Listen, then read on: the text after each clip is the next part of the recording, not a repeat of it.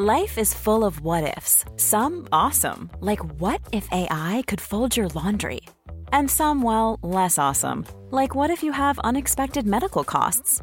United Healthcare can help get you covered with Health Protector Guard fixed indemnity insurance plans. They supplement your primary plan to help you manage out of pocket costs. No deductibles, no enrollment periods, and especially no more what ifs. Visit uh1.com to find the Health Protector Guard plan for you. Hey Dave. Yeah, Randy. Since we founded Bombus, we've always said our socks, underwear, and t shirts are super soft. Any new ideas? Maybe sublimely soft. Or disgustingly cozy? Wait, what? I got it. Bombus. Absurdly comfortable essentials for yourself And for those facing homelessness. because one purchased equals one donated. Wow, did we just write an ad? Yes. Bombas. Big comfort for everyone. Go to bombas.com slash ACAST and use code ACAST for 20% off your first purchase. Quality sleep is essential. That's why the Sleep Number Smart Bed is designed for your ever evolving sleep needs. Need a bed that's firmer or softer on either side? Helps you sleep at a comfortable temperature? Sleep Number Smart Beds let you individualize your comfort so you sleep better together. JD Power ranks Sleep Number number 1 in customer satisfaction with mattresses purchased in-store. And now, save 50% on the Sleep Number limited edition Smart Bed for a limited time. For JD Power 2023 award information, visit jdpower.com/awards. Only at a Sleep Number store or sleepnumber.com. Veckans sponsor är Telia. Hos Telia samlar man mobil, bredband, IT-support, mobilväxel, allt som gör företagande enkelt. Och det är just det här att samla allt på ett ställe, att ha någon att vända sig till när det inte fungerar, det är Telia. Ett exempel på vad som inte är Telia, det är ju som när jag lyckas boka förmötet för en poddinspelning med Finansinspektionen till efter själva inspelningstillfället. Eller när jag här, här året var liksom, fick för mig att jag skulle börja springa, så jag är liksom ute och springer taggad, träffar en kompis som säger så här, du Jan, på måndag ska jag springa ett lopp. Och jag känner så här, ja men det låter inspirerande, så jag käkar pasta, jag byter om, tar mig ner till Malmö stadion för att göra en efteranmälan, står där i kön och sen så när jag liksom anmäler mig så tittar de på mig och säger så här, du Jan, vårhuset är bara till för kvinnor. Och eh, det var, det var typisk en situation som inte är Telia. Oavsett, ett stort tack till Telia som sponsrar, gör Rika Tillsammans möjligt, men framför allt tack till dig som lyssnar, följer och eh, hänger med oss varje vecka. Välkommen till Rika Tillsammans. Detta är dagens avsnitt. Reklam och samarbete med eh, livförsäkringsbolaget Allmänna Enke och Pupillkassan. Ja, eh, idag, jag har ju nördat på livförsäkringar i forumet nu ett tag. Mm, Du har gjort det i flera år, ja. Okej. Nej, men det var framförallt sen jag kom hem från USA, där man Mm. pratade mycket om liksom, försäkringsbehovet och, och de hade ett annat angreppssätt kring försäkringar, att liksom, hur man ska tänka och resonera. Så vi har bjudit in eh, då Niklas Fredriksson eh, som är då eh, vd på Allmänna Enkel på Pillkassan, där vi har haft försäkringar i nu mer än tio år själva, som också brukar kallas så här nördarnas försäkringsbolag. Så att idag, detta avsnittet blir väldigt mycket så här, när ska man ha en livförsäkring? Vem borde ha en livförsäkring? Vilka är de vanligaste misstagen? Vad ska man tänka på? i Olika situationer. Vissa, till och med, vi hade till och med en situation som han inte hade tänkt på då det, då det är viktigt med eh, livförsäkring. Vi pratar även hur ska man tänka kring belopp? När behöver man inte det? Eh, och liknande. Så att detta är verkligen, påstår jag, så här, eh, värt att lyssna på för att ett, kolla, behöver du, hamnar du i någon av kategorierna? Två, har du en livförsäkring så är det väsentligt, så här, har du tänkt rätt? Har du liksom uppfyllt det? Och eh, också så här, om jag inte behöver det. Och vi pratar också, jämför deras livförsäkring som är väldigt, väldigt annorlunda mot alla andra eh, försäkringsbolag. Eh, Eh, så att det är dagens eh, avsnitt och sen kommer där i veckan ett bonusavsnitt där vi har tagit ett antal läsarfrågor. Så här, hej, jag heter Amanda, jag är 35 år gammal, hur ska vi tänka? Och eh, så ligger det också ett sånt här eh, litet eh, nördavsnitt på forumet där vi har gjort den här jämförelsen mellan då Allmänna Enkepupillkassan och de vanliga livförsäkringsbolagen. För att det går inte bara att jämföra rakt upp och ner. Utan Alltså, ni har gjort det lite mer matematiskt vi har gjort också det matematiskt och med Excel. Så att jag skulle säga så här, lyssna först på detta, sen kan du titta på Excelen och lyssna på de här frågorna. Men jag tänker att vi gör det inte svårare än så här, utan vi släpper på Niklas och eh, sen har han också lovat svara på frågor i, forumet i efterhand. Så att som vanligt så tänker jag att det är i forumet det händer efter avsnitt. Varmt välkommen till Rika Tillsammans-podden som handlar om allt som är roligt med privatekonomi och livet. Varje vecka delar vi med oss av vår livsresa, våra erfarenheter, framgångar och misstag så att du ska kunna göra din ekonomi, ditt sparande och ditt liv lite rikare.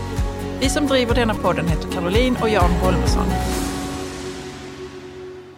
Varmt välkommen Niklas eh, Fredriksson. Du har ju en lång bakgrund i försäkringsbranschen från Swedbank, Nordea, Danica, Skandia och nu är du vd på Allmänna NK Pupillkassan som jag tror är så här, nog ett av Sveriges minsta och liksom mest okända försäkringsbolag. Men samtidigt också ett av de äldsta och kanske lite annorlunda. Så varmt välkommen! Tack så mycket. Eh, är det något du vill lägga till?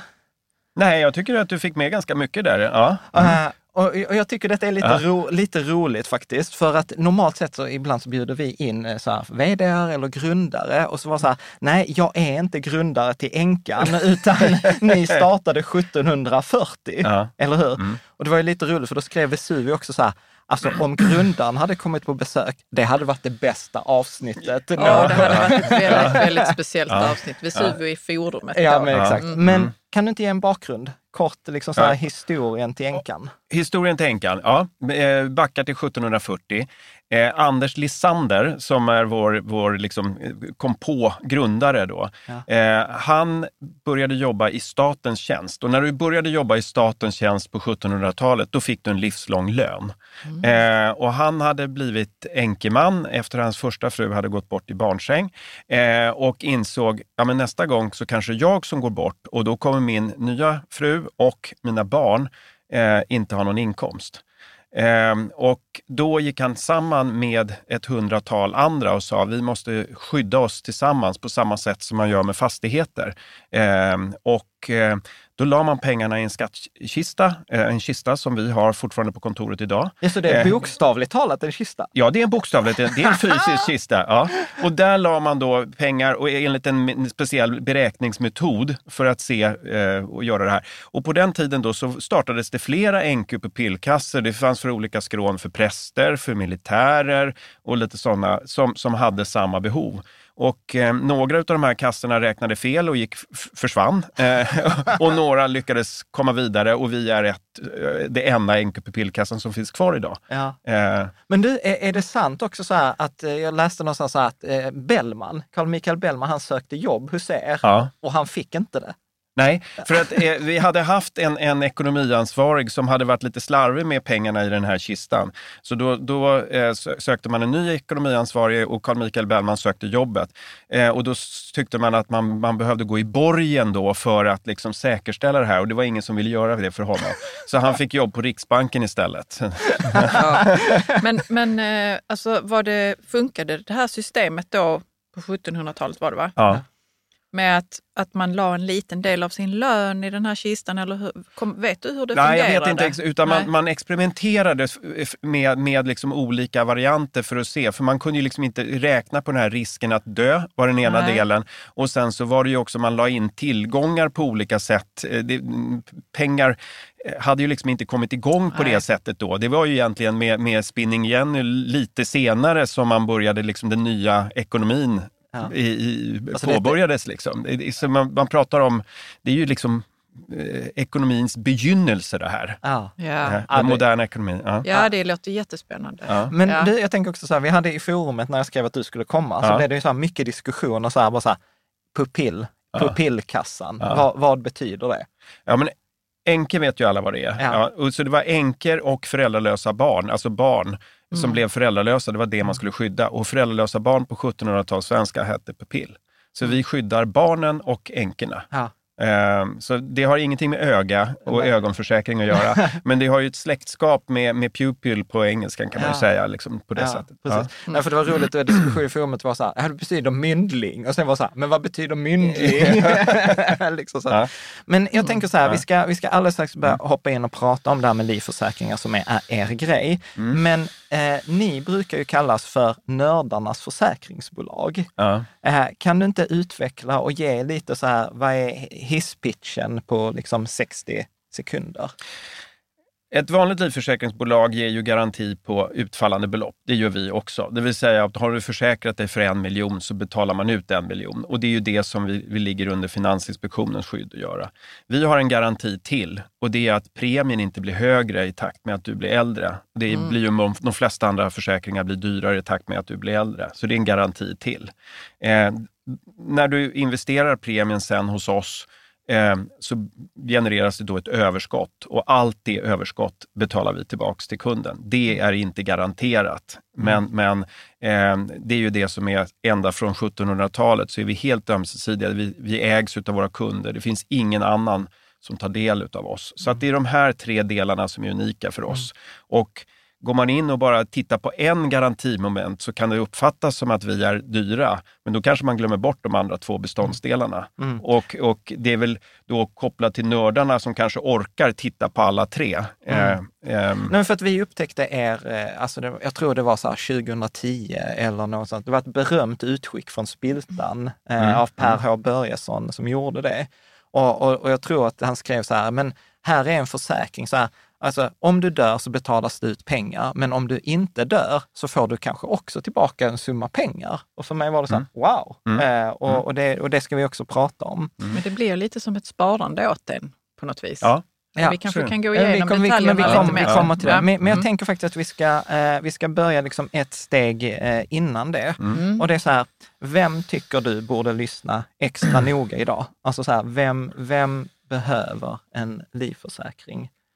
Ja, men vi, har gjort, gjort statistiska undersökningar både här och där jag varit tidigare och vi vet att ungefär en tredjedel utav alla familjer, eh, oavsett hur de ser ut, behöver eh, hamnar i en ekonomisk svår situation om den ena familjeförsörjaren försvinner.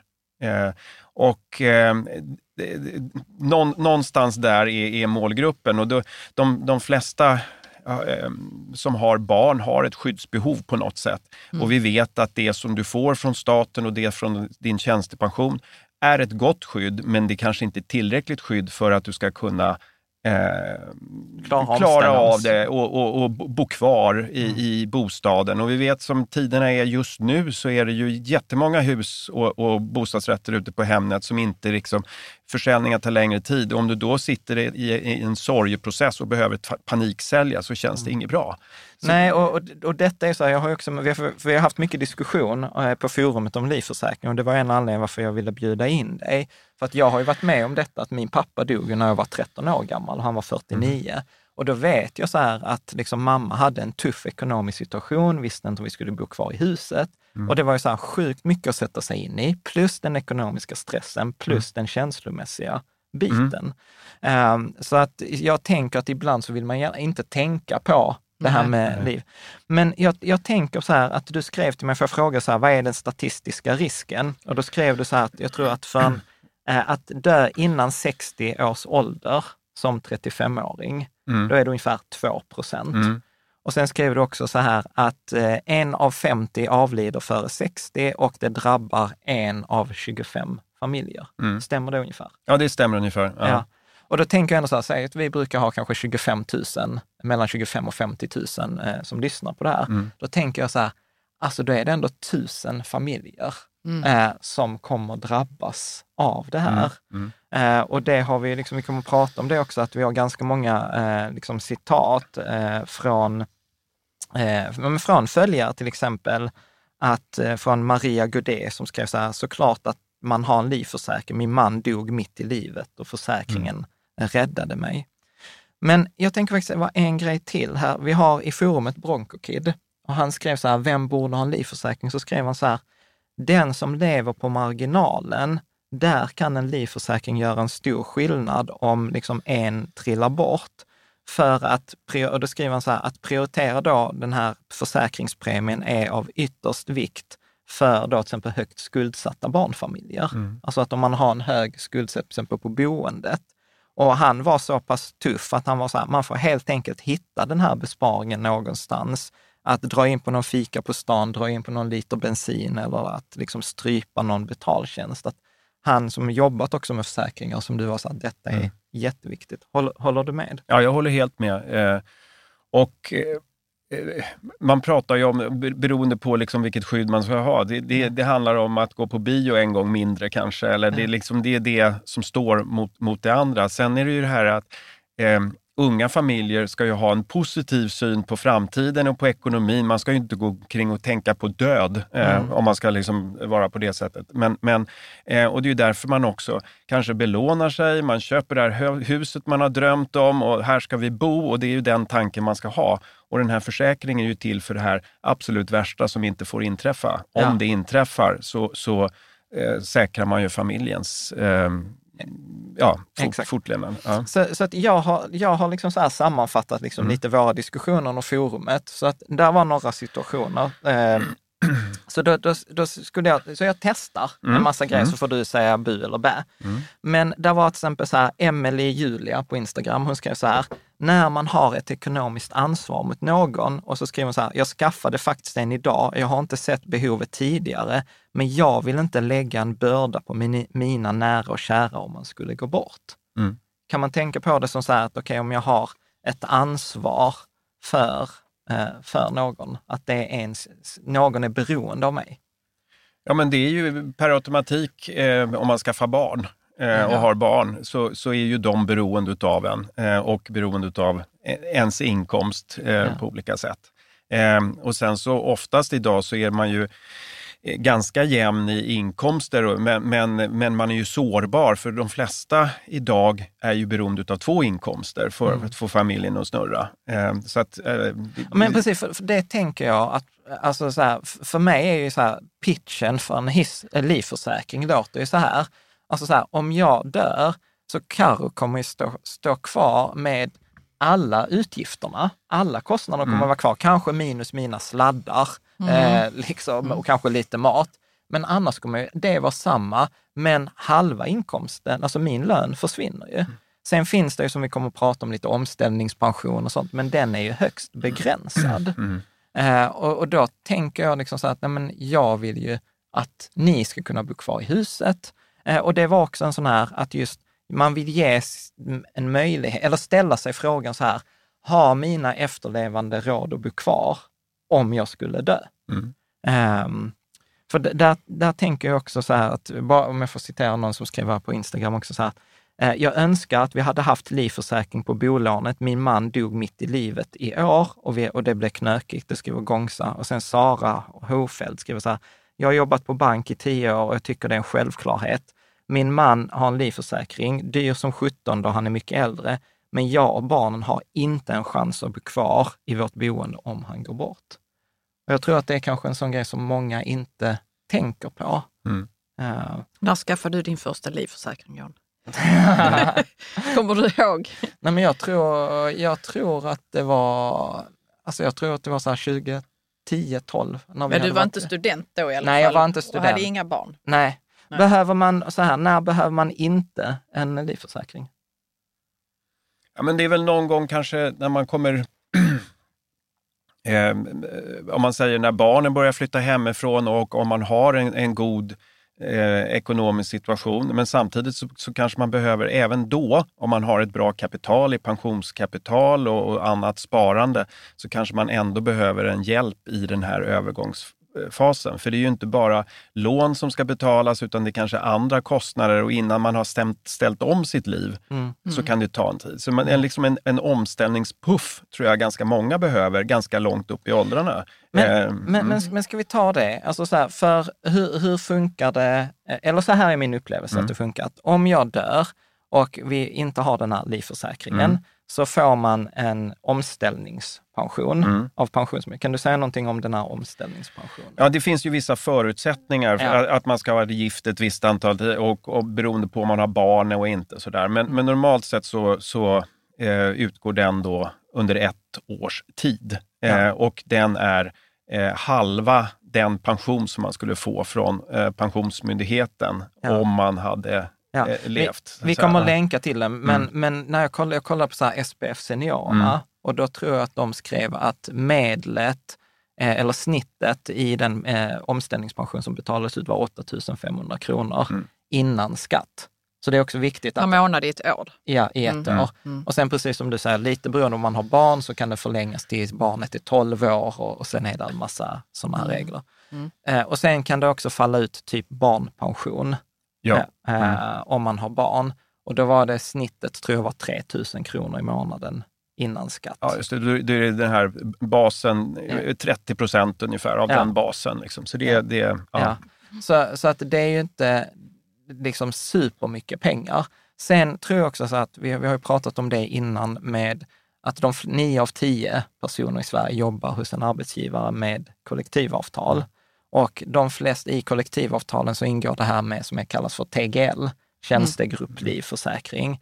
Eh, Så att det kan man, kan man utgå från att nästan alla har det vid arbetsgivaren som har ett jobb och som är kollektivavtalsanslutna. Om, om man har ett kollektivavtal på sitt arbe, arbetsplats, så ja. Ja. Eh, men, vi har fortfarande en, en, en ganska stor grupp med, med småföretagare, egenföretagare och då ska man börja prata om pension och Mm. de delarna också. Och där vet vi att det är många som är... Inte har det. Nej. Nej, alltså många Nej. av våra kompisar som har företag, jag brukar vara så här, har du TGL? Och de bara tittar på mig som ett stort frågetecken. Och vi, vi kan ta det sen separat. Men den ger, så också beroende på åldrar och massa villkor, men man kan utgå så här, innan 55 års ålder så ger den ungefär 300 000 kronor, 315 000. Och jag tror det är sex prisbasbelopp. Ja. Och sen trappas det ner till 64 års ålder och så är det en viss utbetalning till barnen också, som jag tror upp till, är barnen under 17 så är det 115 000, eh, något sånt, ett och Ja. ett halvt Mm. eh, prisbasbelopp. Alltså per barn då? Ja, Ja. ja men Mm. precis. Mm. Så att, så att där kommer, och detta vet jag ju, så detta var ju det min mamma fick också när min pappa gick bort, men han hade ingen annan livssäkring. Och det kan ju rädda eh, en del, men när jag har gjort beräkningar i forumet och tittat på liksom Excel, så upplever jag så här att ja, målet för staten var att det ska vara ungefär ett års omställning. Och det är ungefär vad de här räcker till, knappt 8-9 månader. Sen behöver man på de här 8-9 månaderna ha ställt om livet. Och jag vet inte så här om, om folk klarar det. Om man hinner det, flytta kanske till ett mindre boende, Ja. billigare boende. Mm. Ja, Ja, ställa om allt annat vad man nu har. Jag vet inte ja, vad det kan vara. Om man äger saker ihop som kostar pengar och så. Mm. Mm. Och sen så beroende också på vad är det för inkomstnivå man har haft Mm. tidigare. För det här, den här inkomstnivån som vi pratar om här, eh, det är ju inte för, för om, om du tjänar lite mer. Mer Nej. liksom, för jag menar, det är ju eh, 8-10 000 extra i månaden är, är ju inte så mycket pengar för om du har legat på en högre lön. tidigare. Nej, Nej, exakt. Om man nej. har haft utgifter i paritet med Ja. det. Ja. Mm. precis. Och sen, och sen har de flesta också som, eh, som jobbar som är kollektivavtalsanslutna eh, och som företagare ofta missar, och detta vet jag också i forumet, eh, många protesterar ibland mot när jag säger, men tjänstepension. Att de flesta tjänstepensioner i Sverige har ett så kallat, det heter väl återbetalningsskydd. Ja. Kan du förklara liksom, hur funkar det när man dör, en tjänst, om man har en tjänstepension? Ja, det är ju egentligen ett försäkringsmoment, så i princip så är det kapitalet plus 1 procent som betalas ut. Så beroende på hur mycket kapital man har i, i, i sin intjänade tjänstepension eh, så delas det upp och betalas ut månadsvis i fem år. Det är det normala. Är det normalt? Kan man styra det? För det hade vi en diskussion. Kan man styra, alltså om jag skulle dö Mm. och jag har, säg 100 000 i min tjänstepension, kan Caroline bestämma att det ska betalas ut på 20 år eller det kommer bli på fem år? Eh, Det är lite grann olika beroende på vad det är för bolag och hur Okej. villkoren ser ut där. Säga. Men, men det normala är att det betalas ut under fem år. Ja. Mm. Så att det, och det läggs ju också på den här omställningspension, eh, eller på, ja, med omställningspension och barnpensionen. Så att där kan det också vara så här att eh, det, jag tror att det var Bronco Kid eh, som också verkar väldigt insatt och jobbat med försäkringar. Han skrev också att det är många inte tänker på, man tänker så här, ja men där är en miljon i tjänstepensionen. Men då sa han så här, men den har en latent skatteskuld. För att den måste, ska ju beskattas när du får ut en vanlig livförsäkring, till exempel från er. den är ju skattefri. Medan alla de här andra beskattas Ja. ju med mellan Mm. 30 och 50 procent. För att om du har en lön på sig för 37 000 som är snittet i Sverige, sen får du på barnpension, och du, eller förlåt, omställningspensionen på 8 000 och tjänstepensionen på 5 000, ja då hamnar du ju över statlig skatt Mm. eh, också. Men vilka var det nu vi hade här? Omställningspension Mm. från staten 12 Ja. månader, ungefär 8 500. Eh, barnpension, går den till föräldern eller går den till barnet direkt? Det vet vi inte. Ja, men det går till, till om, om föräldrarna Ja. vårdnadshavare. Så Så, går det, det ja, så just det Ja. Så Mm. det. Eh, och den snittet, alltså om man, så här, det går aldrig att säga så här, vad kommer du få ut? Det måste man kolla på villkoren. Men snittet i Sverige är ungefär 3 000 kronor per barn eh, innan skatt. Mm. Och sen kommer tjänst, eh, tjänstepensionen ovanpå det per månad och sen eh, en TGL, då, den här tjänstegruppliv på, på mellan 50 och 300 000. Mm. Så det kan ju låta så mycket. Ja, men det är ju det att det blir ju inte det. Det blir Nej. ju, eller så här, det ger, jag skulle säga så här, räkna att det ger 6 till 12 månaders omställningsperiod. Ja. Mm. Men där är vissa män i det här som är så här, jag tror är jätteviktiga. Och ett av de stora liksom, misstagen som många gör utan att tänka på det, det är särkullbarn. Så kan du, säga, kan du säga någonting mer om liksom så här, särkullbarn och den påverkan det har?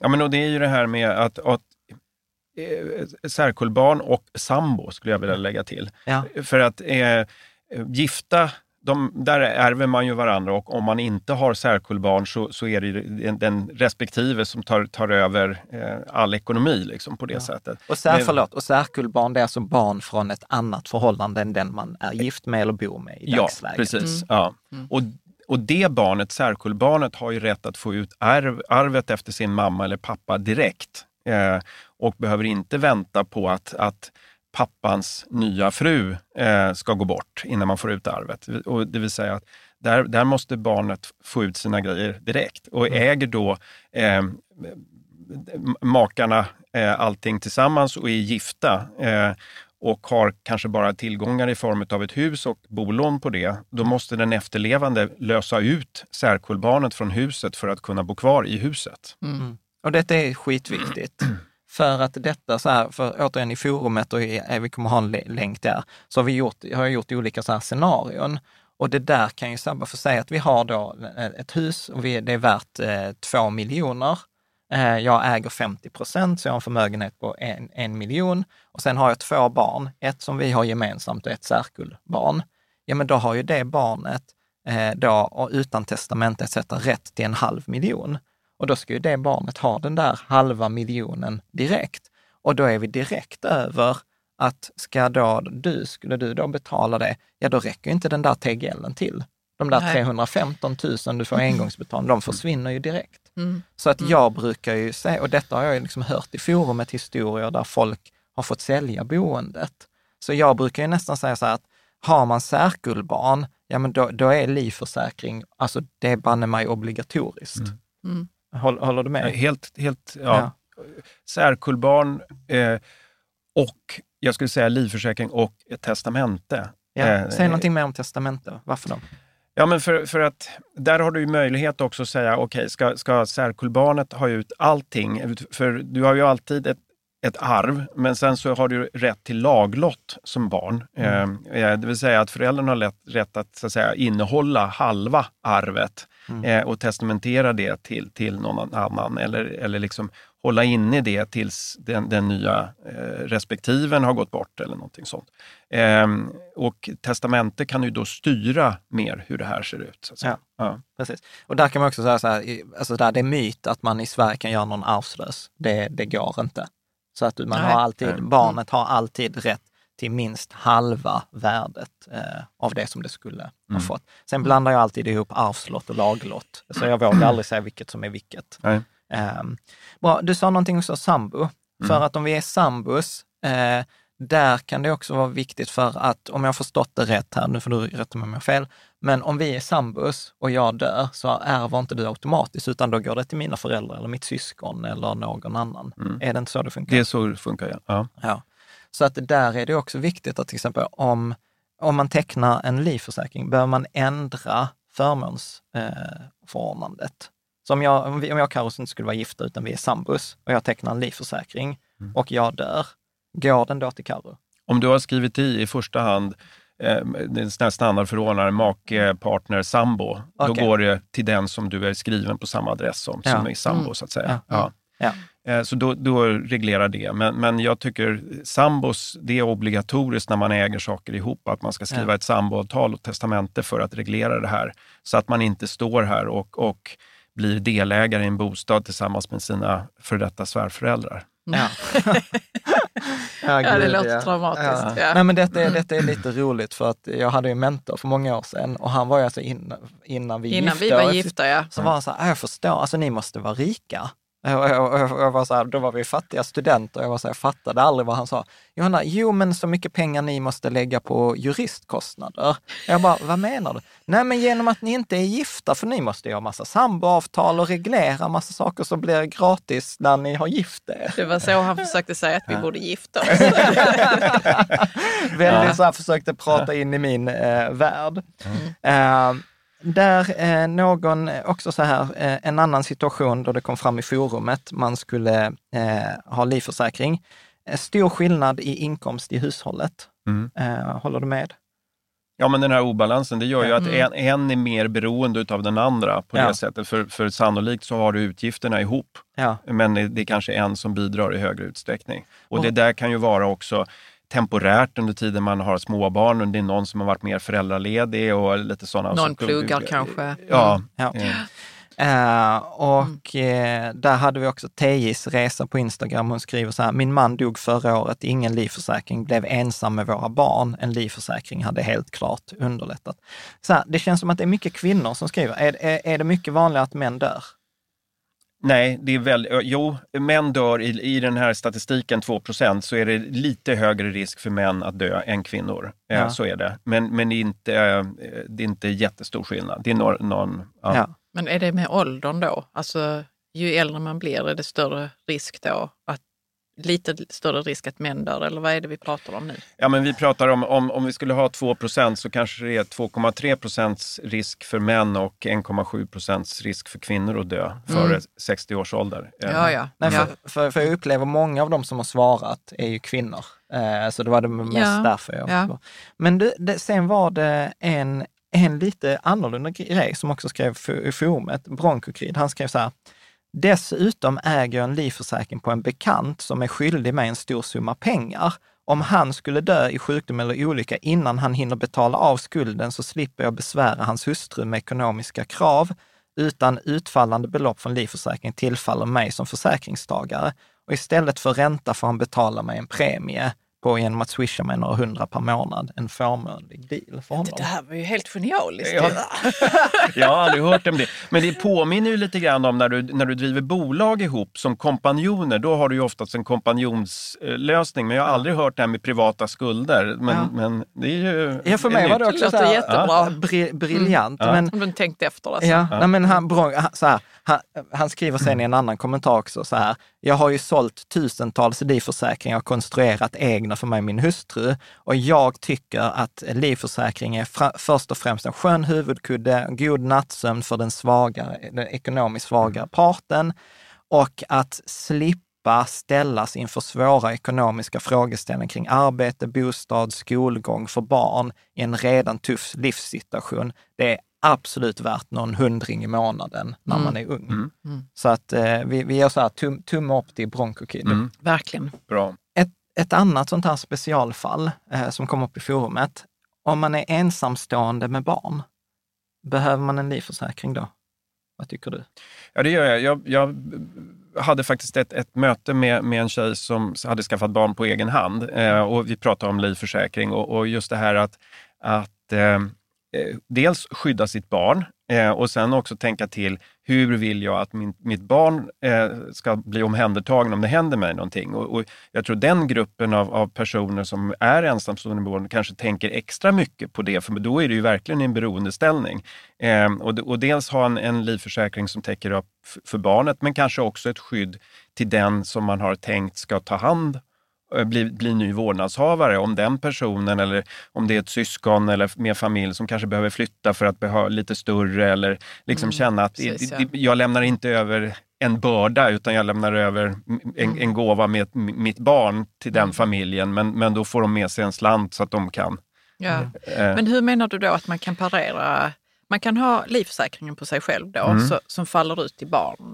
Nej. Ja. Ja. barnet blir förmånstagare. Men också att den som tar hand om, låt oss säga att det är en syster som tar hand om Mm. barnet om man skulle gå bort. Hur, hur ska systern då, Fast det, det är barnet som får pengarna. barnet få pengarna pengarna? och sen så giss, här gissar jag, så du får Mm. rätta, men när, när min pappa dog så fick vi ju de här 100 000 från TGL och då hamnade ju de hos en överförmyndare. Så att min mamma fick ju inte styra de pengarna, utan jag behövde, eller hon behövde skicka en ansökan till den här överförmyndaren som godkände så här, att ja, men nu får du använda de här pengarna. För att överförmyndarens uppgift är ju att skydda barnet som inte är 18 och se till att pengarna används i, i linje med vad som gagnar barnet. Är det hyfsat rätt? Ja, det, det, det är hyfsat rätt. Eh, och, men, men det som vi ofta gör när vi får den här frågan och hur man skulle göra, så skulle jag designa det på det sättet att jag skulle skapa en, en livförsäkring till barnet som faller ut månadsvis eh, fram till barnet är typ 25 år. När man tycker att ja, men då, då borde de ha klarat igenom studier och kunna stå på egna ben. Och så säger ja, då får barnet 10 000 i månaden eh, fram till de är 25.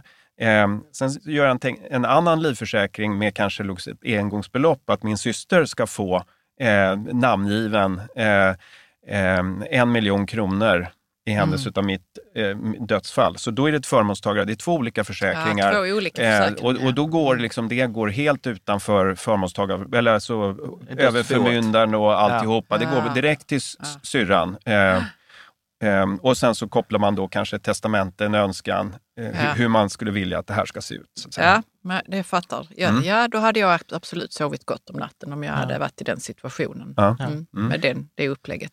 Jag- Jag tänker vi ska också prata sen om så här, hur ska man ta belopp och designa, så att vi återkommer till det. Men jag tänker jag har två, två situationer till här.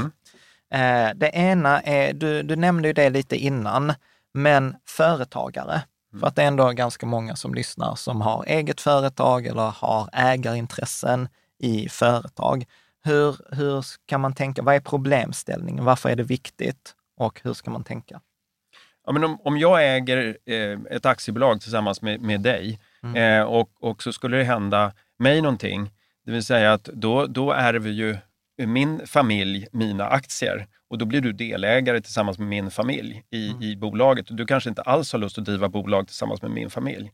Eh, utan då först ett aktieägaravtal eh, som reglerar att, att du har för, rätten att köpa mina aktier om det skulle hända mig någonting.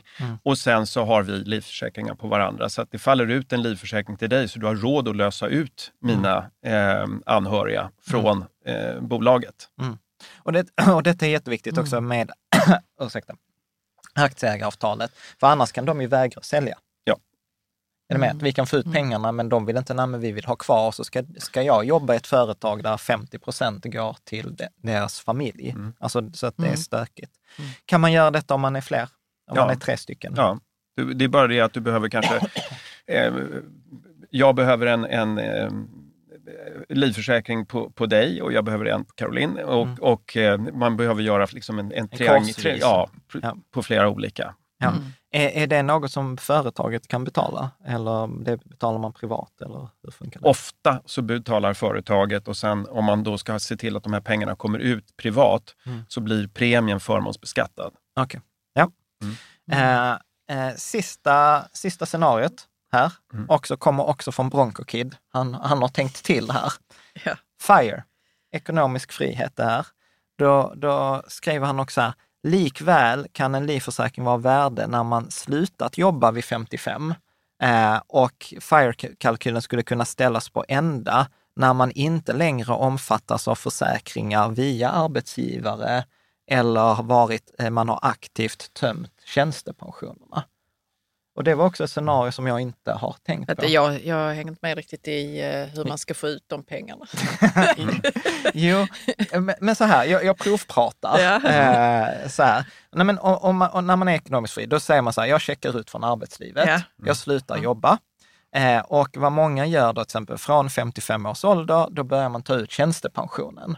Så att då, då har vi liksom av de där skydden man hade om man dog, så var ju tjänstepensionen ett av dem. Men då har man ju börjat nalla på den redan. Ja, ni med? Så den är Mm. mindre. Mm. Den där TGLen, den finns ju inte kvar för jag är ju inte anställd längre.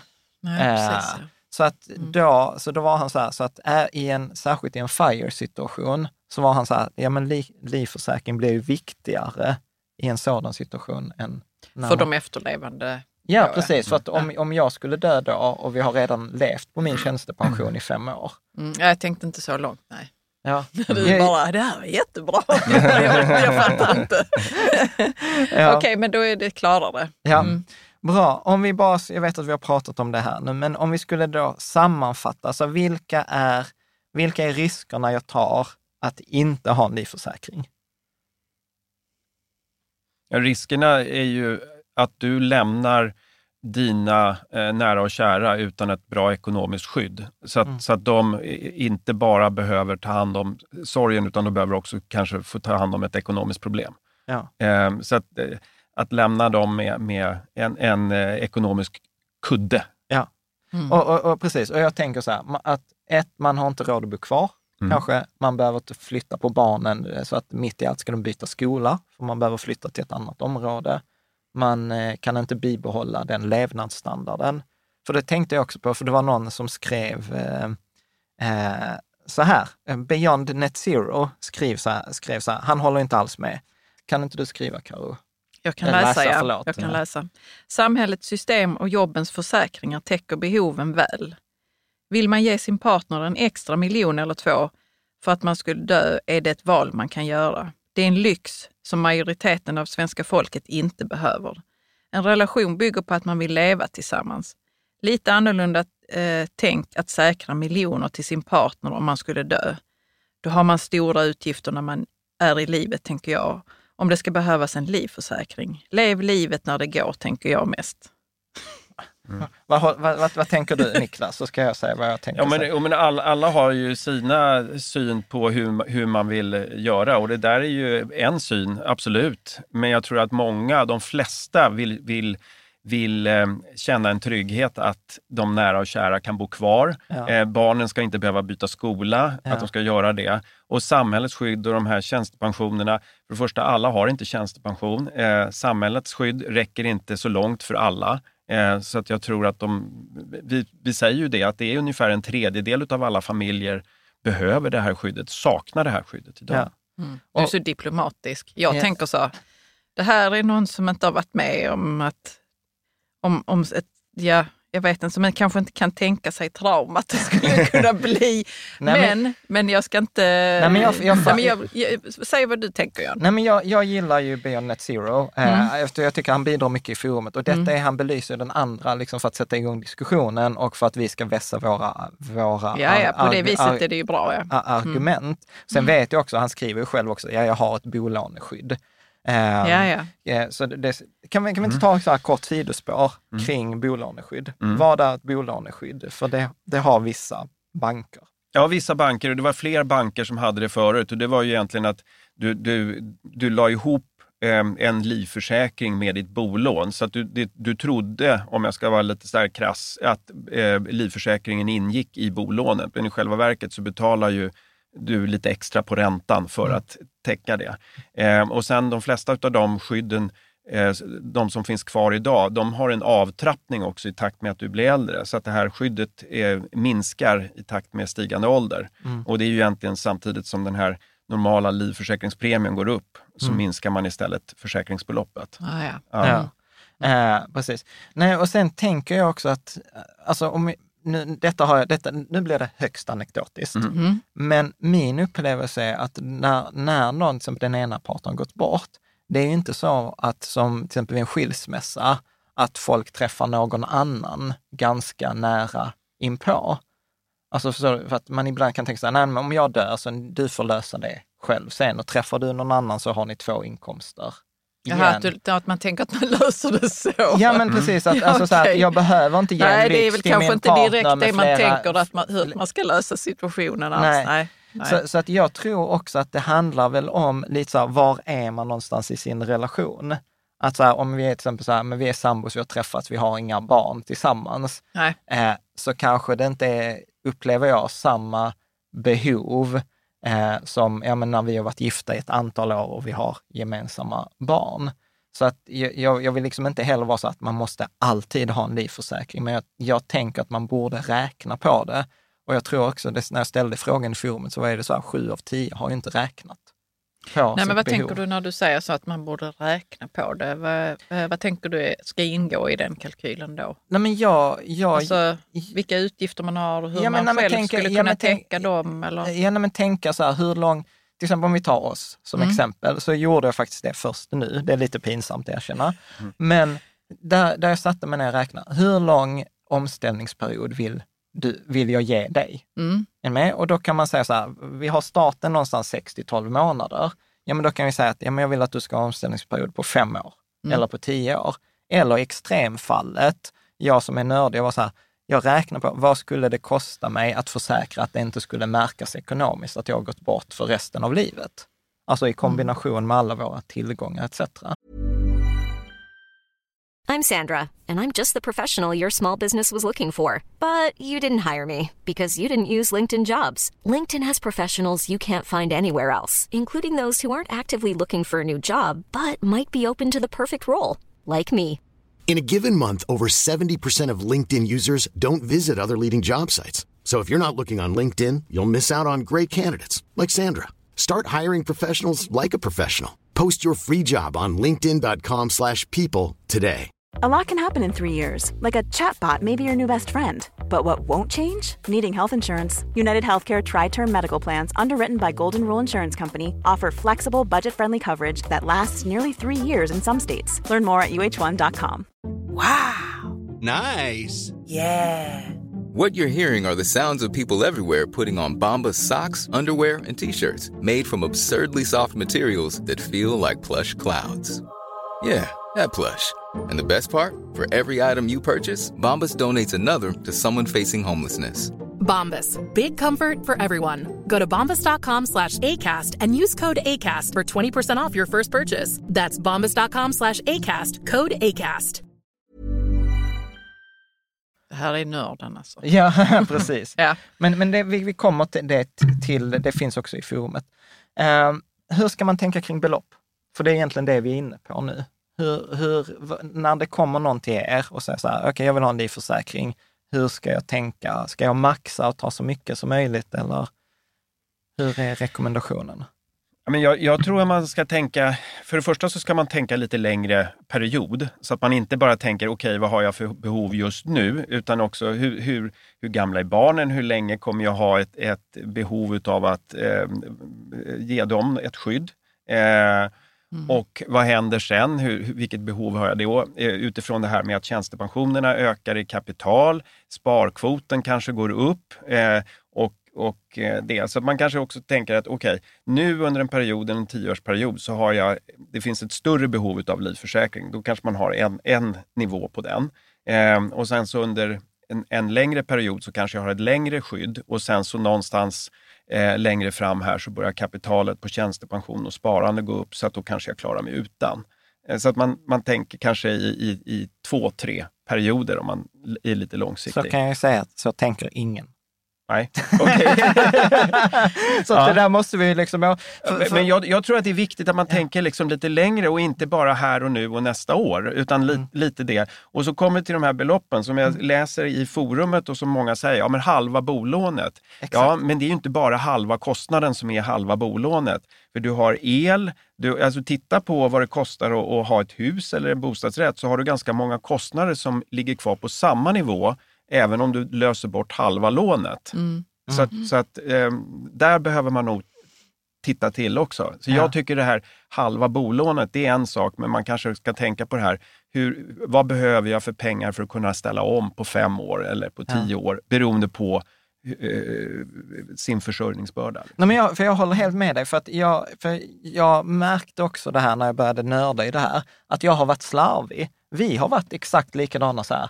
När vi, vi hade en livförsäkring innan vi, innan vi flyttade till huset. När vi flyttade till huset så höjde vi den till halva bolånet. Mm. Och sen så här nu, ett par år efter, så insåg jag så här, hur fan tänkte jag då? Uh, och så inser jag så här, uh, nummer ett, jag har inte alls tänkt på det här som du sa, att det är en massa extra kostnader också som behöver täckas. Men sen var jag så här, varför inte hela? Alltså, för, mm, förstår mm, du? Jag mm. menar att det blir någon sån här, att jag trillar i någon jämlikhetsfälla.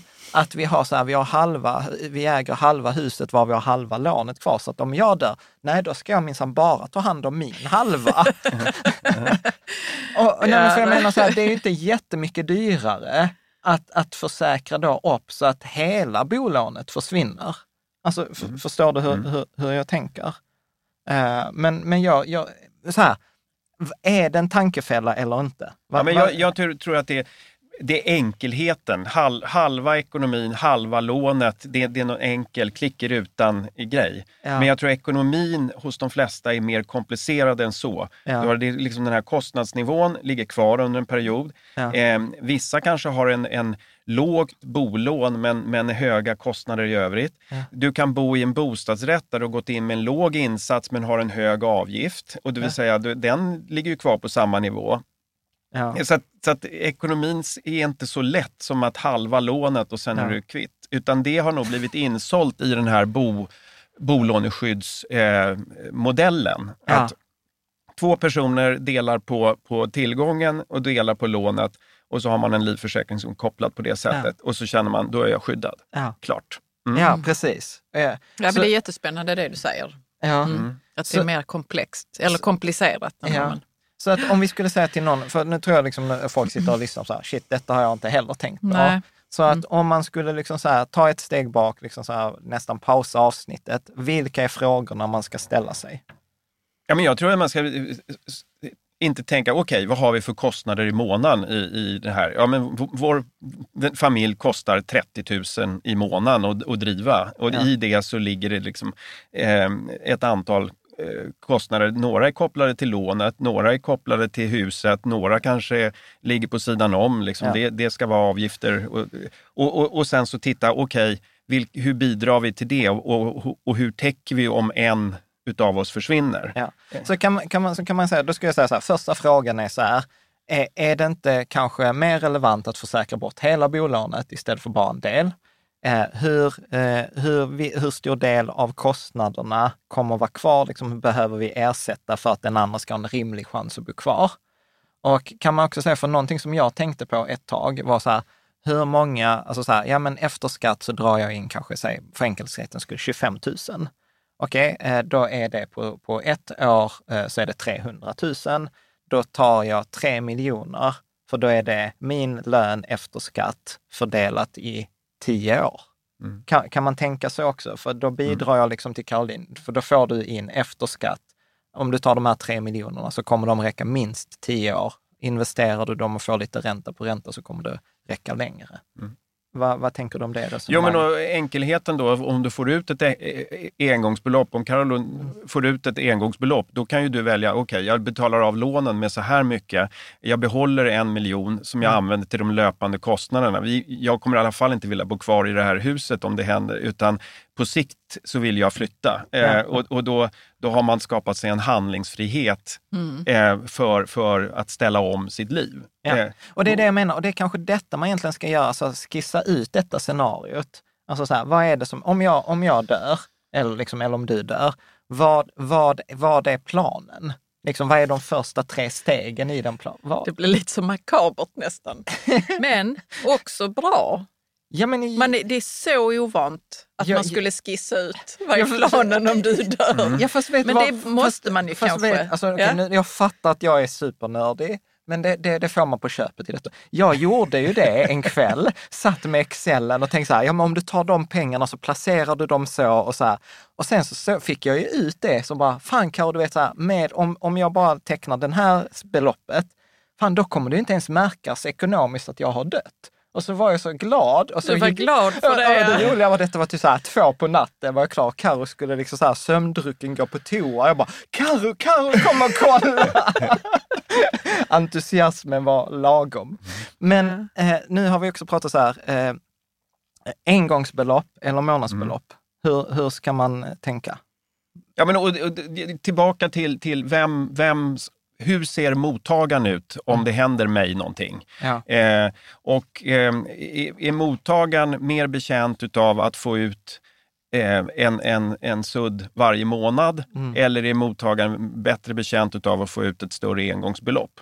Eh, och det kan ju se olika ut. Och vår huvudrekommendation är till barn att man ska ha ut ett månadsbelopp. Det är mycket, mycket enklare att hantera så att säga. Och ehm, Eh, sen så tillbaka till det här, hur ser kostnadsstrukturen ut? Ska man låsa av, lösa av ett, ett eh, bolån, ja då är det bättre med ett engångsbelopp. Eh, men har man stora löpande kostnader, ja men då kanske ett månadsbelopp är, är väldigt bra under en femårsperiod eller under en längre period.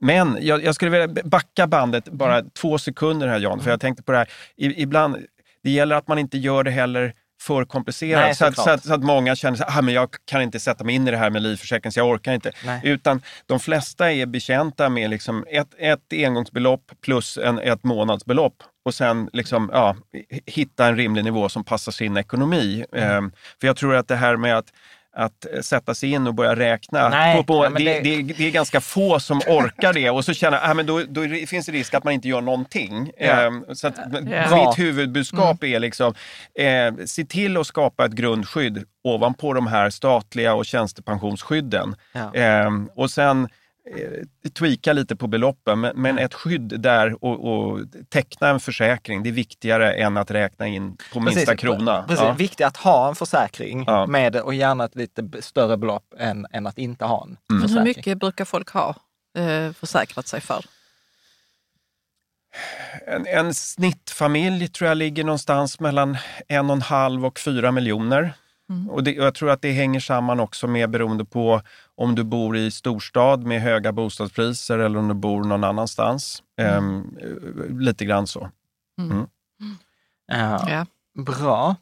Eh, hur, så här, också så här, hur länge ska man ha? För du också sa så här, tänk längre.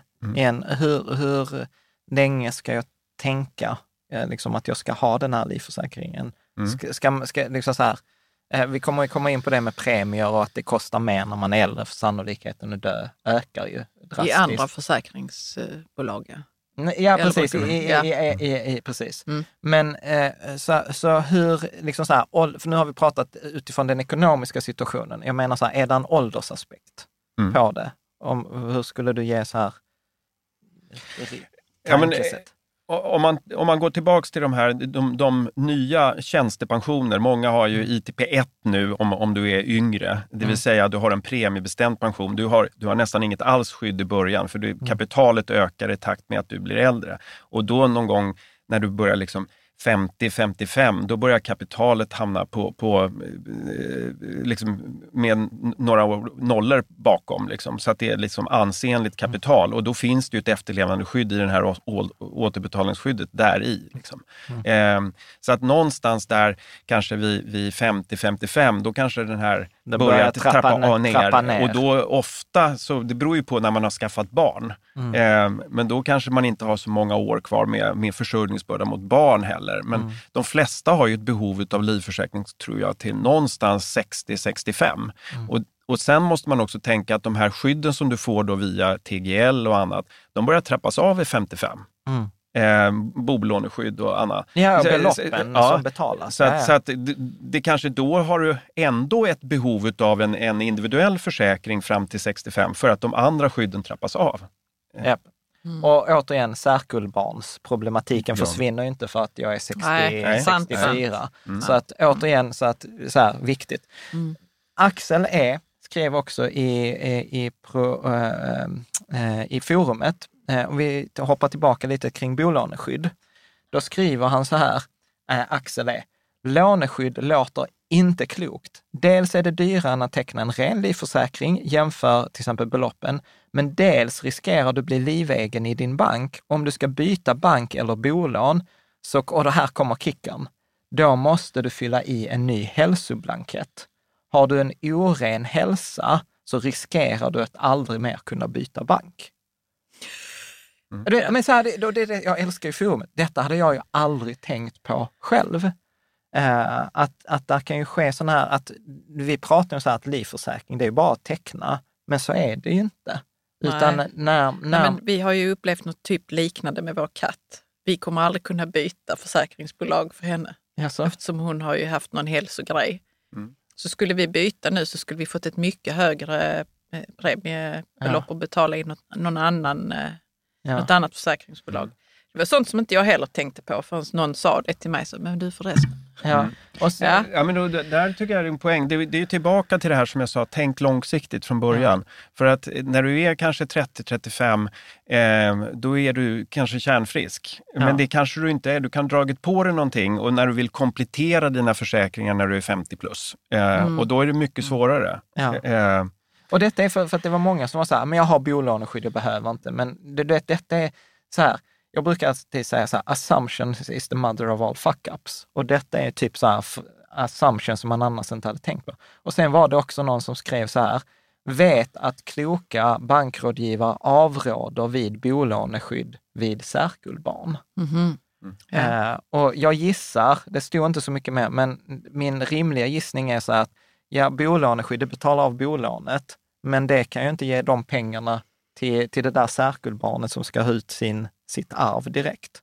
Så kan man också säga, kan, kan vi säga det liksom så här, generellt, inte alltid, men att bolåneskydd vid särkullbarn, det är inte en bra lösning. Ja, jag... Eh, ja, det, det, finns en poäng där och det finns också en, en, Jag vet att det finns vissa banker som har gått ifrån den här bol, bolåneskyddsdelen. Att avlider en så betalar banken av eh, lånet. Så att säga. Eh, och istället så, så har man en separat livförsäkring så att du har ett, ett skydd kopplat eh, och, och, så faller livförsäkringen ut till förmånstagare som själv får välja om du betalar av lånet eller om du använder pengarna på annat sätt. Mm. Eh, eh på grund utav eh, det stöter på ibland problem med särkullbarn och, och saker när, när du liksom bandlar ihop ett lån med en, en försäkring. Mm. Mm. Jag har aldrig, jag kan säga så att vi har aldrig haft något bolåneskydd. Jag har inte varit ett fan av det där och sen har jag ju varit så här, det är säkert banken som försöker lura mig här. Det är det, de försöker liksom skydda sin egen eh, rumpa eh, istället för att hjälpa mig. Um, men jag tänker så här, eh, när är det livförsäkringar generellt inte gäller? Alltså så här till exempel eh, kampsport eller extremsport eller jag fick ju för mig en gång att jag skulle åka till gränsen till Somalia mot UDs avrådan. Och då insåg jag så här efteråt, det var kanske inte så smart. Nej. Uh. Nej, men, och, det är ju olika i olika villkor beroende ja. på var du har det hela. Men, men det här med att åka in i, in, in i en krigszon till exempel, mm. då kan det finnas undantag. Semester i Ukraina är inte så smart Nej, utifrån livförsäkringsperspektiv. Solsemester, ja. ja. ja. Eh, och och eh, likaså vissa typer av extremsporter eller när du har ett yrke som är extremt riskfullt. Om du skulle vara liksom dykare på en oljeplattform till exempel så ja. kanske det då finns begränsningar i, i villkoren där. Ja. Ehm, eh, men det, det är väl egentligen det är olika på olika bolag och hur de här mm. villkoren ser ut. Så det, det, man kan inte säga bara ja, generellt. Men, nej, Men, men lite så här sunt förnuft. Och sen så har de flesta också en klausul så att eh, begår du självmord inom kort från det att du har tecknat en försäkring, då kan det också vara så. Att, så du liksom, tar en livförsäkring och så veckan efter eh, hittar du på något dumt så att säga. Och, och eh, då kan det också vara ett undantag från det. Okej, okay, jag trodde mm. att det alltid var så. Det har man sett på filmer, att självmord gäller aldrig. Nej. Men så är det nej, inte. Nej, precis. Mm. Mm. Men jag har inte ens tänkt på det med yrke, att om man har ett riskabelt yrke då kanske det är liksom, att man märker det på livförsäkringsvillkoren. Men, ja, men om, alltså, om, jag, om jag privatdyker, ja då är det, och skulle det hända mig någonting, eh, då, då de flesta livförsäkringar trillar ut. Mm. Eh, men, men om jag har ett yrke som, som eh, ja, d- Statistiskt dyker- måste det ju vara någon Ja. typ av dödlighet. Ja. Ja. och, och då, då, då finns det en högre risk liksom, Ja. i en sån. Ja. Ja. Men, men så här till exempel om man jobbar, för det var någon som skrev också, så här, om man jobbar inom försvaret eller liksom så här, har de egna försäkringar eller? Ja, de har ju egna eh, utifrån sina kollektivavtal på det sättet. Okej. Men, men ehm, Ja. jag, jag kan inte alla Nej. bolagens villkor när Nej, det gäller nej, just... Ja. Eh, sista, för någonting som jag tror är relevant för vår så här, eh, utlandsvistelse. Mm. Alltså om jag är så här, nej men jag vill inte vara i Sverige mellan oktober och mars. Jag är borta sex månader eller sånt. I, är det någonting jag ska tänka på där? Att jag bor utomlands halva året? Eller det är inget... Hur är det hos er? Du behöver inte svara för andra. Hos oss är det, du ska vara skriven och ha bo, varit bosatt i Sverige eh, när du tecknar försäkringen. Eh, eh, så att kommer du hit och varit utomlands boende och kommer direkt in till Sverige, då kan du inte teckna försäkring direkt utan då kan du behöva eh, göra en läkarutlåtande eller någonting sånt. Men däremot när du har tecknat en försäkring och har en försäkring, eh, då kan du åka utomlands och bo resten av ditt liv utomlands. Okej. Är där någon vanlig så här, missuppfattning kring livförsäkringar? Märker ni så här, att ja, men detta är en missuppfattning eller ett misstag som folk har gjort?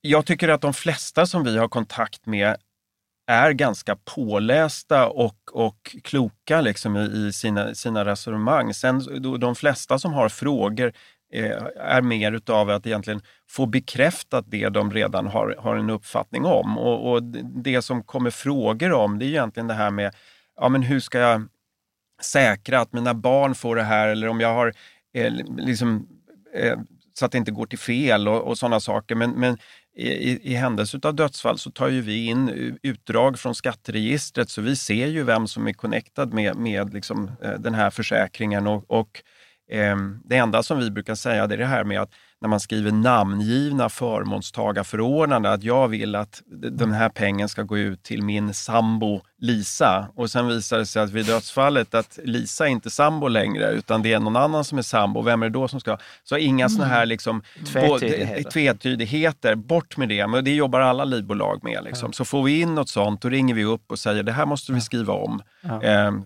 för det är de här generella liksom, eh, sambo, make, partner, i andra hand barn eller tvärtom. Eller barn i första hand. Liksom, ja. ehm, Så här, har det hänt så här, typ som han Stenbeck som hade så här okända barn? mm. Är det ett problem eller hur? Det är ju inte ett problem för oss, för att vi ser ju vem som är registrerad som barn. Okej. Men däremot kan det säkert förekomma diskussioner. Eh, Ja, att det, är, o- det, det, det är inte okänt för er, men det är okänt för partnern. Ja, eller för andra barn att jaha, här dök det upp ett syskon. Men, men, men eh, det är inget som vi får reda på eller märker utan vi bara konstaterar att vi skickar, får in vem som är connectad med den här personen. Ja, ja men bra. Mm.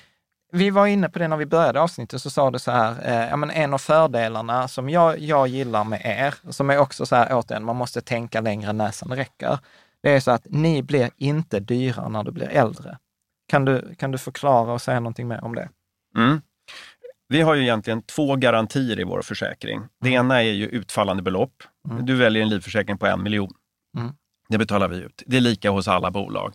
Vi har en till garanti. Vi säger att premien inte blir högre i takt med att du blir äldre, utan du har samma premie under hela försäkringstiden. Det garanterar vi också. Ehm, och Det innebär att eh, det överskott som genereras i, i vår produkt, eh, det får du avkastning på och allt överskott då som, som finns kvar när du överlever din försäkring, vilket de flesta gör, den får du ut som en slutåterbäring. Skulle det hända någonting på vägen så skulle Caroline då få det överskottet som, som förmånstagare på försäkringen. Mm. Och, och för, för att detta vet jag också, och vi ska göra det en specialare, där, där vi jämför, eh, jämför det här, vad blir detta över en lång tidsperiod? För att spontant så kan det ju se ut, man går in och koll, googlar livförsäkring och så har man något så här, men vänta detta kostar kanske en hundralapp för mig i månaden just nu om jag är 30, 30 år. Medan hos er så är den initiala kostnaden kanske en tusenlapp. Men eh, hur, liksom, hur, hur ska, hur ska man tänka för att göra en korrekt jämförelse? Och sen så här med, med att vi har ett specialavsnitt där vi tittar på detta i Excel, men de breda penseldragen. Ja, men de breda penseldragen, tillbaks till det här med att tänk hur länge har jag behov av försäkring? Jag är 35 idag, alltså Mm. inte jag, jag är mycket äldre. Men, men, eh, och jag vill ha en försäkring i 20 år, för då är mina barn utflugna. Mm. Okej, hur mycket kommer jag betala i det andra bolaget eh, för en försäkring? Och du titt- Över hela livsperioden Ja, av försäkringen. Precis, hur mycket kostar det då i det bolaget att vara 45 år? Mm. Eh, och hur mycket kostar det eh, i, i änkan att vara 45 år? Ja. Och hos oss så säger vi att premien är garanterad, den blir aldrig högre. Och tecknar du dessutom en försäkring med en engångsutbetalning så kommer vi sänka premien med återbäringen. Så den kommer gå ner mot en fjärdedel mot vad du betalar eh, Mm, initialt. initialt. Så betalar du 1000 kronor i kvartalet initialt så kanske den kostar 250 kronor i kvartalet om 10 år. Precis, medan den på det andra bolaget kan kosta gått från 100 kronor till 400 kronor i månaden. Mm. Så att detta är, Ja. och, och jag kan säga så här att många, för jag, när jag gjorde liksom research så är det många bolag som inte ens ger priserna. Utan så här, du matar in ditt, loggar in med BankID och så får du din offert vad det kostar nu. Men så får du inte ens reda på vad det kommer att kosta sen. Men, Men, får jag också Ja. bara göra en kommentar till det där, för det är ju också en, en, en sån här försäkringsnördsdel i det här. Ja. Vår försäkring, vi avtalar hela den här försäkringstiden. Eh, de andra bolagen har ettåriga avtal, det vill säga att de har rätt att förhandla, även om du, får tag i deras prislista, så har de rätt att en gång om året ändra den här prislistan. Så har de en dålig lönsamhet eller vill, vill prisa in sig på marknaden så kan de höja eller sänka premien, inte bara med din e-, ökade risk för att dö, utan också beroende på vad de har för ekonomi bakom. Mm. Eh, Så att det är ju ettåriga avtal, precis som en hemförsäkring, precis som en bilförsäkring eh, som de, de jobbar med. Eh, och, och det kan påverka dig både negativt och positivt. Och, och, och vad blir då, för, för att detta är sånt som jag tror de flesta och jag inte kan heller. Och vad är skillnaden då med er? För att då tecknar vi, okej, om jag vill ha detta här nu, då tecknar jag detta för fram tills jag är 65 Mm. till exempel. Så att vad, liksom, hur, hur är, vad, är, vad är fördelen med att ha det på det sättet som ni har det? Ja, det är ju förutsägbarheten i att du vet hur mycket du kommer betala. Ja. Eh, och eh, Utifrån ett maxtak. Eller? Utifrån ett maxtak, Jag kommer ja. aldrig betala mer än det här. Nej, Ja. precis. Och sen också att eftersom vi är helt ömsesidiga, du blir ju delägare i bolaget, det vill säga det finns ingen annan som ska ta del av det här överskottet som genereras i, i försäkringen, utan den tillfaller ju dig eller om det händer dig någonting, dina förmånstagare. Mm. Ja. Så att det finns, det finns liksom inget, inget spill, om Ja. man får säga så. Ja. Mm. Och här, här blir också ett ganska vanligt missförstånd eh, som, som jag tror, och jag gärna du får förklara, för att ofta så tror man så här att det betalas in premier och sen om någon dör så betalas liksom försäkringen ut eh, utifrån de pengarna som har betalats in på premierna. Men ni har ju liksom en ganska många miljoner som ni förvaltar. Så kan du göra liksom kopplingen, hur, hur hänger liksom det här med återbäringsränta, alltså hur, hur funkar det där hos er? Ja, men, eh, kunderna betalar in premier Mm. och har gjort så under må- många år. Ehm, och ehm, när vi sätter premien på kunden så, så tittar vi på risken att dö. Vi tittar på, på eh, liksom, antagen eh, avkastning på kapital. Vi tittar på antagen kostnad att driva det här bolaget. Vi tittar på skatt. Det blir liksom som en resultaträkning. Och ehm, eh, med det då så, så räknar vi ut så här stor är premien. Och blir då avkastningen högre, eh, risken, alltså vår dödsfallsrisk i bolaget lägre eh, och eh, de här delarna går, går åt rätt håll, då skapar vi ett överskott. Det är bolagets eh, riskkapital. Eh, det riskkapitalet fördelar vi ut och allokerar så att vi, tillde, vi, vi har inte tilldelat det men, men vi, vi fördelar ut det så att du har en andel av det här riskkapitalet, du har en andel av det här riskkapitalet, jag har en andel av det här riskkapitalet. Vi är alla som har försäkringar på det sättet. Och det är det som vi kallar för försäkringskapital som du får i ditt eh, årsbesked. Ja. Och det riskkapitalet, det överskottet då, eh, får man en, en en avkastning på. Och detta investerar ni liksom, ni äger en fastighet i Stockholm, ni investerar i aktier, ni investerar i räntor och ni investerar det liksom i en sån här, ja men vad ska man säga, en ganska traditionell portfölj. Ja. Mm. Eh, så för detta tror jag är liksom viktigt att man förstår. Och nu ska jag, jag vet inte om du har läst detta, men mm. detta var Bronco Kid, alltså Bronco Kid var on fire. eh, och så skrev jag till honom privat, så detta har inte synts i forumet. Så jag skrev till honom så här privat, du, ja men Niklas kommer hit, du verkar ju kunna livförsäkringar. Vad tycker du om änkan? Mm. Eh, och då skriver han så här, det är givetvis omöjligt att ställa vanliga bolag som tillhandahåller olika produkter och som löpande delar ut avkastning mot ett bolag som specialiserar sig enbart på en riskprodukt där utbetalning av överskott och avkastning ligger fram i tiden. Men, skriver han så här, men skulle ett vanligt livbolag visa de siffrorna som pupillen visar så skulle sparare stå i kö för att bli kunder. Ta till exempel solvensgrad som är ett mått på hur tillgångarna är värda i förhållande till de framtida garanterade åtaganden som bolaget gjort. Så är det exempelvis för Skandia 213 procent, SEB 300 procent, alltså de har tre gånger mer pengar än åtaganden, AMF 228 procent, NK Pupillkassan 917 procent. Så som sagt, jämförelsen haltar då förutsättningarna inte är likvärdiga. Men eh, det, är, det är väldigt fina siffror. Mm. Eh, Tack. Ja.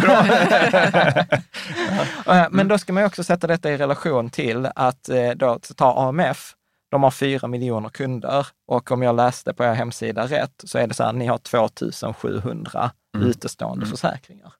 Så att AMF har ju liksom hundratals anställda, jättestor organisation och ni är ju några personer på, mm. på, på kontoret. Eh, vad, vad, tänker du är mer liksom, är viktigt att veta i den här differensen mellan liksom, er och andra? Vad, är liksom, vad särskiljer det mer eller vad borde man veta? Ja, men jag tror att, eh, eh, eh, dels är det de här siffrorna, men, men det är också det här, vi har en, en affär, det, det är livförsäkringar bara. Man, ibland så, så går man in och så tror man att det är en sparprodukt. Det är inte en sparprodukt, det är en livförsäkring, men du får tillbaka allt överskott eh, tillbaka till din, din produkt.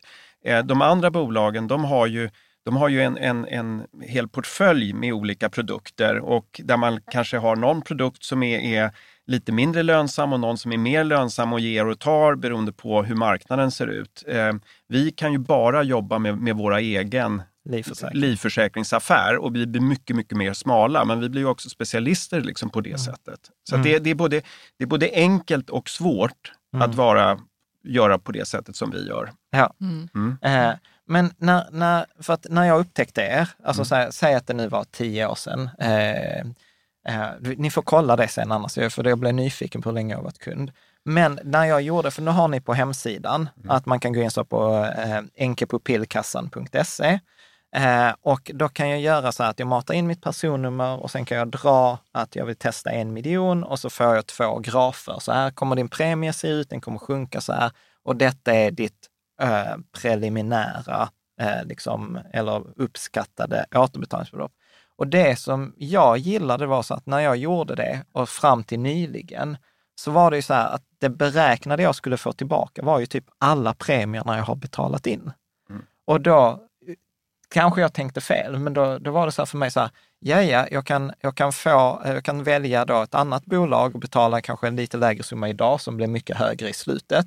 Men om jag inte dör så är de pengarna borta. Mm. Här betalar jag in lite högre summa som minskar över tid och lever jag på min 65-årsdag, ja men då får jag tillbaka hela liksom beloppet. Och då har det varit som liksom så här, jag har lånat ut pengarna till er. Jag har inte fått ränta på dem, men istället för ränta så fick jag liksom det här att om jag dör så faller, eh, faller det här beloppet ut. Kan man resonera så? Eller om jag skulle liksom sälja in det så, vad säger du då? Ja, men jag tycker du absolut kan resonera så, eh, men man måste tänka ändå, det, det är en, en, en, livförsäkring du köper. Du köper ett försäkringsskydd. Det andra är en, en bonus. bonus. Ja. Ja. Ehm, eftersom vi kan inte garantera det hela. Du kan inte ta ut de här pengarna när du vill. Mm. Det är liksom inte disponibelt på det sättet. Men, men som du säger, de flesta som, som eh, avslutar sina försäkringar nu då, när, när försäkringstiden har löpt ut, mm. de får ju tillbaks premien och lite till. Ja, till och med. Eh, till och med, ja. Så jag menar, det, och ju längre tid du har varit försäkrad hos oss, ju mer, eh, ja. större andel får du varit eh, tillbaka. Eh, så, så, det är det jag menar, på, det, det är inget spill. Nej. Eh, det, det liksom, pengarna brinner inte inne på det sättet. Och, och då tillbaka till det här som vi pratade för så länge det, sedan. Så det blir party när vi fyller 65 och försäkringen slutar gälla, då får vi en summa pengar. Ja. Kanske var så här måttligt road. Ja. Nej, det, jag, absolut Jan, men det är så värst mycket party. Tyvärr inte när man är 65 ja. jag, jag vet inte. Förlåt, vi vill bara ha en, en, en, lugn kväll med en fin flaska vin. Ja. Jo, men det kommer ju vara ett antal tusen. Ja, Många ja jag tusen. förstår, jag förstår det. Det är nästan så lite ofattbart att det kommer komma då. Ja, uh, ja för... Ja. Men det är det ju. Ja, Ja. Ja. förlåt, ja, men det är ju, det är ju, jag kan inte säga postkodsmiljonären liksom, men, men, alltså, men, Nej, men, det, är lite så. Men det är ju liksom så här, jag tror många inte tänker på eller har räknat med att här fall det ut 70 000 på någon, någon fick 150 000. Och alltså, det, det är ju ansenliga belopp mm. som, som kommer ut senare. Ja. Mm. Men och återigen, så här, viktigt att betona, detta beror på hur gammal man är, hur länge man tecknar, hur det, hur det går. Men där kan man också säga så här, det har ju gått bra för er med den här förvaltningen. Jag vet ju till exempel när börsen var det 2022 gick back med 20 procent, då gjorde ni ett plus minus noll resultat mm. och sen har ni haft en ganska hög åter, så pass hög återbäringsränta vet jag att ni har blivit intervjuade i flera medier eh, kring det där. Vill du säga någonting kring liksom så här historiken eller? Ja, men, när man tittar på siffrorna, vi har ju haft en snittavkastning, nu, nu har jag inte, men ungefär på, på 9,5 procent de senaste eh, fem, sex åren. Eh, och, och, då har det ju varit nedgångar och uppgångar under den här tiden, men vi har ju haft en, vi har ju varit branschledande liksom i, i den här portföljen som vi har haft. Eh, mm. och, och sen så delar vi ut det. Så vi har ju under hela 2023 har vi haft 16 procents återbäringsränta till våra kunder och det är ju unikt. Det är ju fantastiskt. Ja, liksom. ja. Mm. Och fortfarande så har vi en kollektiv konsolidering som ligger eh, högt. Mm. mm. Precis. Uh, bra. Och jag tänker så här, för nu vet jag uh, sen historiskt så kommer det vara någon som är så här supernördig, som är så här, ja men uh, om jag tar den här lägre eh, premien på ett annat bolag och så investerar jag mellanskillnaden mot det premien på änkan, blir inte det mer lönsamt att göra på det sättet istället för att låta änkan förvalta det? Och då kan jag säga till dig så här, det kommer ett separat avsnitt där vi mm. tittar på det här och vi gör ett antal antaganden. Så att vi tar hand... Du har redan gjort det själv, eller hur? Nej, men det, det var en av frågorna som jag bad Niklas här förbereda. Så Niklas har Jaha. gjort en fin Excel. Men, men, jag tänker det kommer ta oss en stund att gå igenom det och jag ja. tänker det är inte så relevant för, för alla, utan mm. jag tycker liksom så här, här eh, pratar man, tittar man på det från ett långsiktigt perspektiv och så tänker liksom i så ett, två, tre steg istället för bara att ta så här, banken erbjöd bolåneskydd på min del av bolånet mm. eh, så, så upplever jag så att ja, men, änkan hamnar ju väldigt högt där. Um, en, en, en sista grej som, som jag tänkte där, eh, för att i den här, när man är inne på er hemsida Enkepopilkassan, så kan man välja försäkringsperiod och premiebetalningsperiod. Vill du säga någonting om det där? Det vill säga att jag kan ha att försäkringen gäller längre än vad jag betalar premier. Är det rätt tolkat? Ja, du, du kan ju betala din premie för försäkringen som ett engångsbelopp. Så du kan ju betala allting idag och ha ett skydd som gäller i 30 år om du vill. Mm. Eh, mm. Eller också som, som många väljer att säga, okej, okay, jag vill ha, jag betalar min försäkring fram till jag är 50, men jag vill ha ett skydd fram till jag är 65. Och eh, betalar du då in de här premierna, då, det innebär ju att då har du ju också en större andel av bolagets riskkapital och får avkastning på de här premierna på ett annat sätt. Så utfallet kommer det i, den här kalkylen kommer ge mer tillbaka till dig som kund. Mm. För du får ju vara med och, och, och, förvalta de här pengarna tidigare. Liksom. Ja. ja. Och, och, och, är det, för jag tänker så här, kanske felaktigt, men det borde också vara relevant när man blir äldre. Att jag har kanske så att den här löper efter 65, men jag, betal, jag har liksom, då behöver jag inte betala eh, premierna för att jag kanske har lägre pension, men jag har betalat in dem under tiden i mitt arbetsliv. Kan jag tänka ja, så? Så kan du tänka och dessutom har vi en villkorsdel att alla premier ska vara betalda före man fyller eh, 70 år. Så att vill du ha en försäkring som går till 80 så måste du ha betalt försäkringen klart fram till du är 70. Okej. Ja. Mhm. Ja. Eh, Ja. Så att det, det är också en sån del. Men, men framförallt så är de här med kortare premiebetalningstid, det är ju attraktivt kanske för egenföretagare och sådana, för där, där man liksom eh, att betala av ett, ett, ett bra år i bolaget så, så kan man höra av sig till oss och säga okej, jag vill slutbetala min premie nu. Så, så får man liksom en, en faktura så är försäkringen klar, även fast den gäller i 20 år till. Ja, precis. Eh, bra. Är där, eh, är där något, så här, för jag tänkte att vi ska runda av och sen kommer vi ha ett bonusavsnitt där vi tar mer liksom läsarfrågor och olika scenarier som har skickats in. Är det någon fråga som vi borde ha ställt? Något som vi inte har pratat om?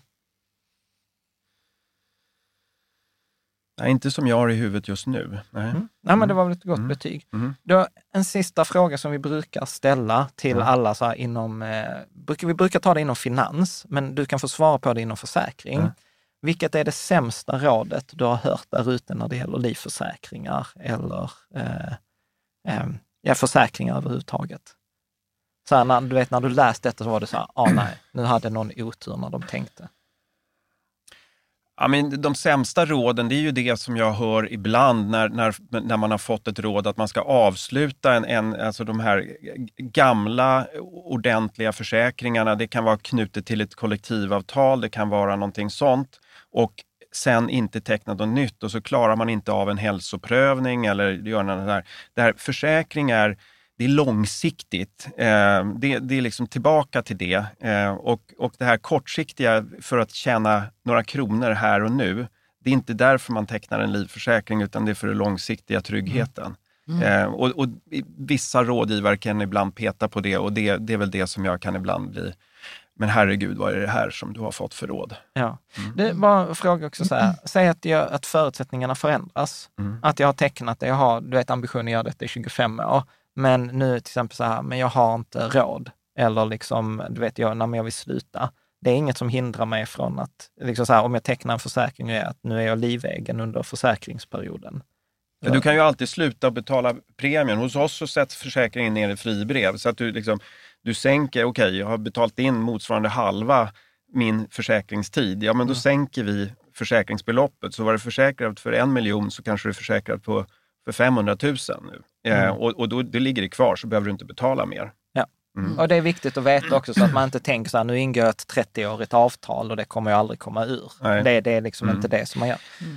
Jag kom på en grej Ja, som, som eh, vi inte pratat om. Det är ju det här med hälsodeklaration. Och, Ja. och, eh, vi får ju ibland frågor från kunder som, ja men jag är inte fullt frisk. Eh, hur, hur kan man tänka där? Eh, och där är ju lite olika på olika bolag. Men hos oss gör vi alltid en individuell prövning utav hälsan. Så även om du har fått nej på, hos ett annat bolag så behöver det inte innebära att du får nej hos oss. Eh, vissa bolag eh, är, snävare i si- sin, sin syn på hälsa. Liksom. Antingen är du frisk eller också är du inte frisk och får försäkring eller inte. Eh, vi gör alltid en individuell prövning och eh, det kan innebära att du får en försäkring men du kanske får en lite högre premie eller en kortare försäkringstid än vad du har ansökt om. Mm. Eh, men men det, det viktiga är ju när man ansöker om försäkring att man är ärlig. Mm. Att man För, att annars kan, för annars kan försäkringen bli ogiltig. Ja, om du har ljugit, Ja. eh, undanhållit fakta. Ja, Mm. Mm. precis. Men jag tänker så här att vi rundar av det, för vi har, du, du får ju komma tillbaka här två avsnitt till. Eh, men man kan, jag rekommenderar så här, man går in på enkepupillkassan.se och där kan man klicka sig fram och göra det här experimentet med, eh, med beloppen och etc. Men jag vet också att man kan ringa er på 08 eh, 106 000 Mm. eh, och eh, ni har också kontor i Stockholm. Eh, men där kan man inte bara promenera upp, man får ringa eller boka tid innan, gissar jag. Precis, och sen så det som vi också lanserar nu, det är det som vi kallar för Frukostklubben. Att man kan vara delaktig i vissa utskick från oss och, och att vi bjuder in till lite intressanta dragningar på kontoret. Så vill man prata mer och nörda ner sig ännu mer i försäkring så, Ja. så gå in på hemsidan och anmäl dig där. Ja, det var roligt och jag skulle faktiskt säga det, för det gjorde jag igår. Så var jag så här, gud, det är så här, någon som vill prata nördigt om försäkringar. Så var jag så här, detta, Äntligen. äntligen, detta har jag anmält mig eh, till. Ja. Eh, du, Niklas, ett, ett stort tack eh, för att du kom och tack för det ni gör och eh, att liksom, men dela med dig av din kunskap här om livförsäkringar. Tack, jätteroligt att få vara här och få ha det här roliga snacket. Ja, men, ja, om det här allvarliga ämnet ska jag säga. För det är ju, mm. ja, men så är viktiga. Ja, viktiga, viktiga också. Och sen för dig som vill så har vi ett bonusavsnitt där eh, Niklas svarar på specifika frågor. Eh, och sen har vi också för dig som är så här, jag vill räkna, så har vi ett Excel bonusavsnitt också. Tack så mycket. Tack. Tack.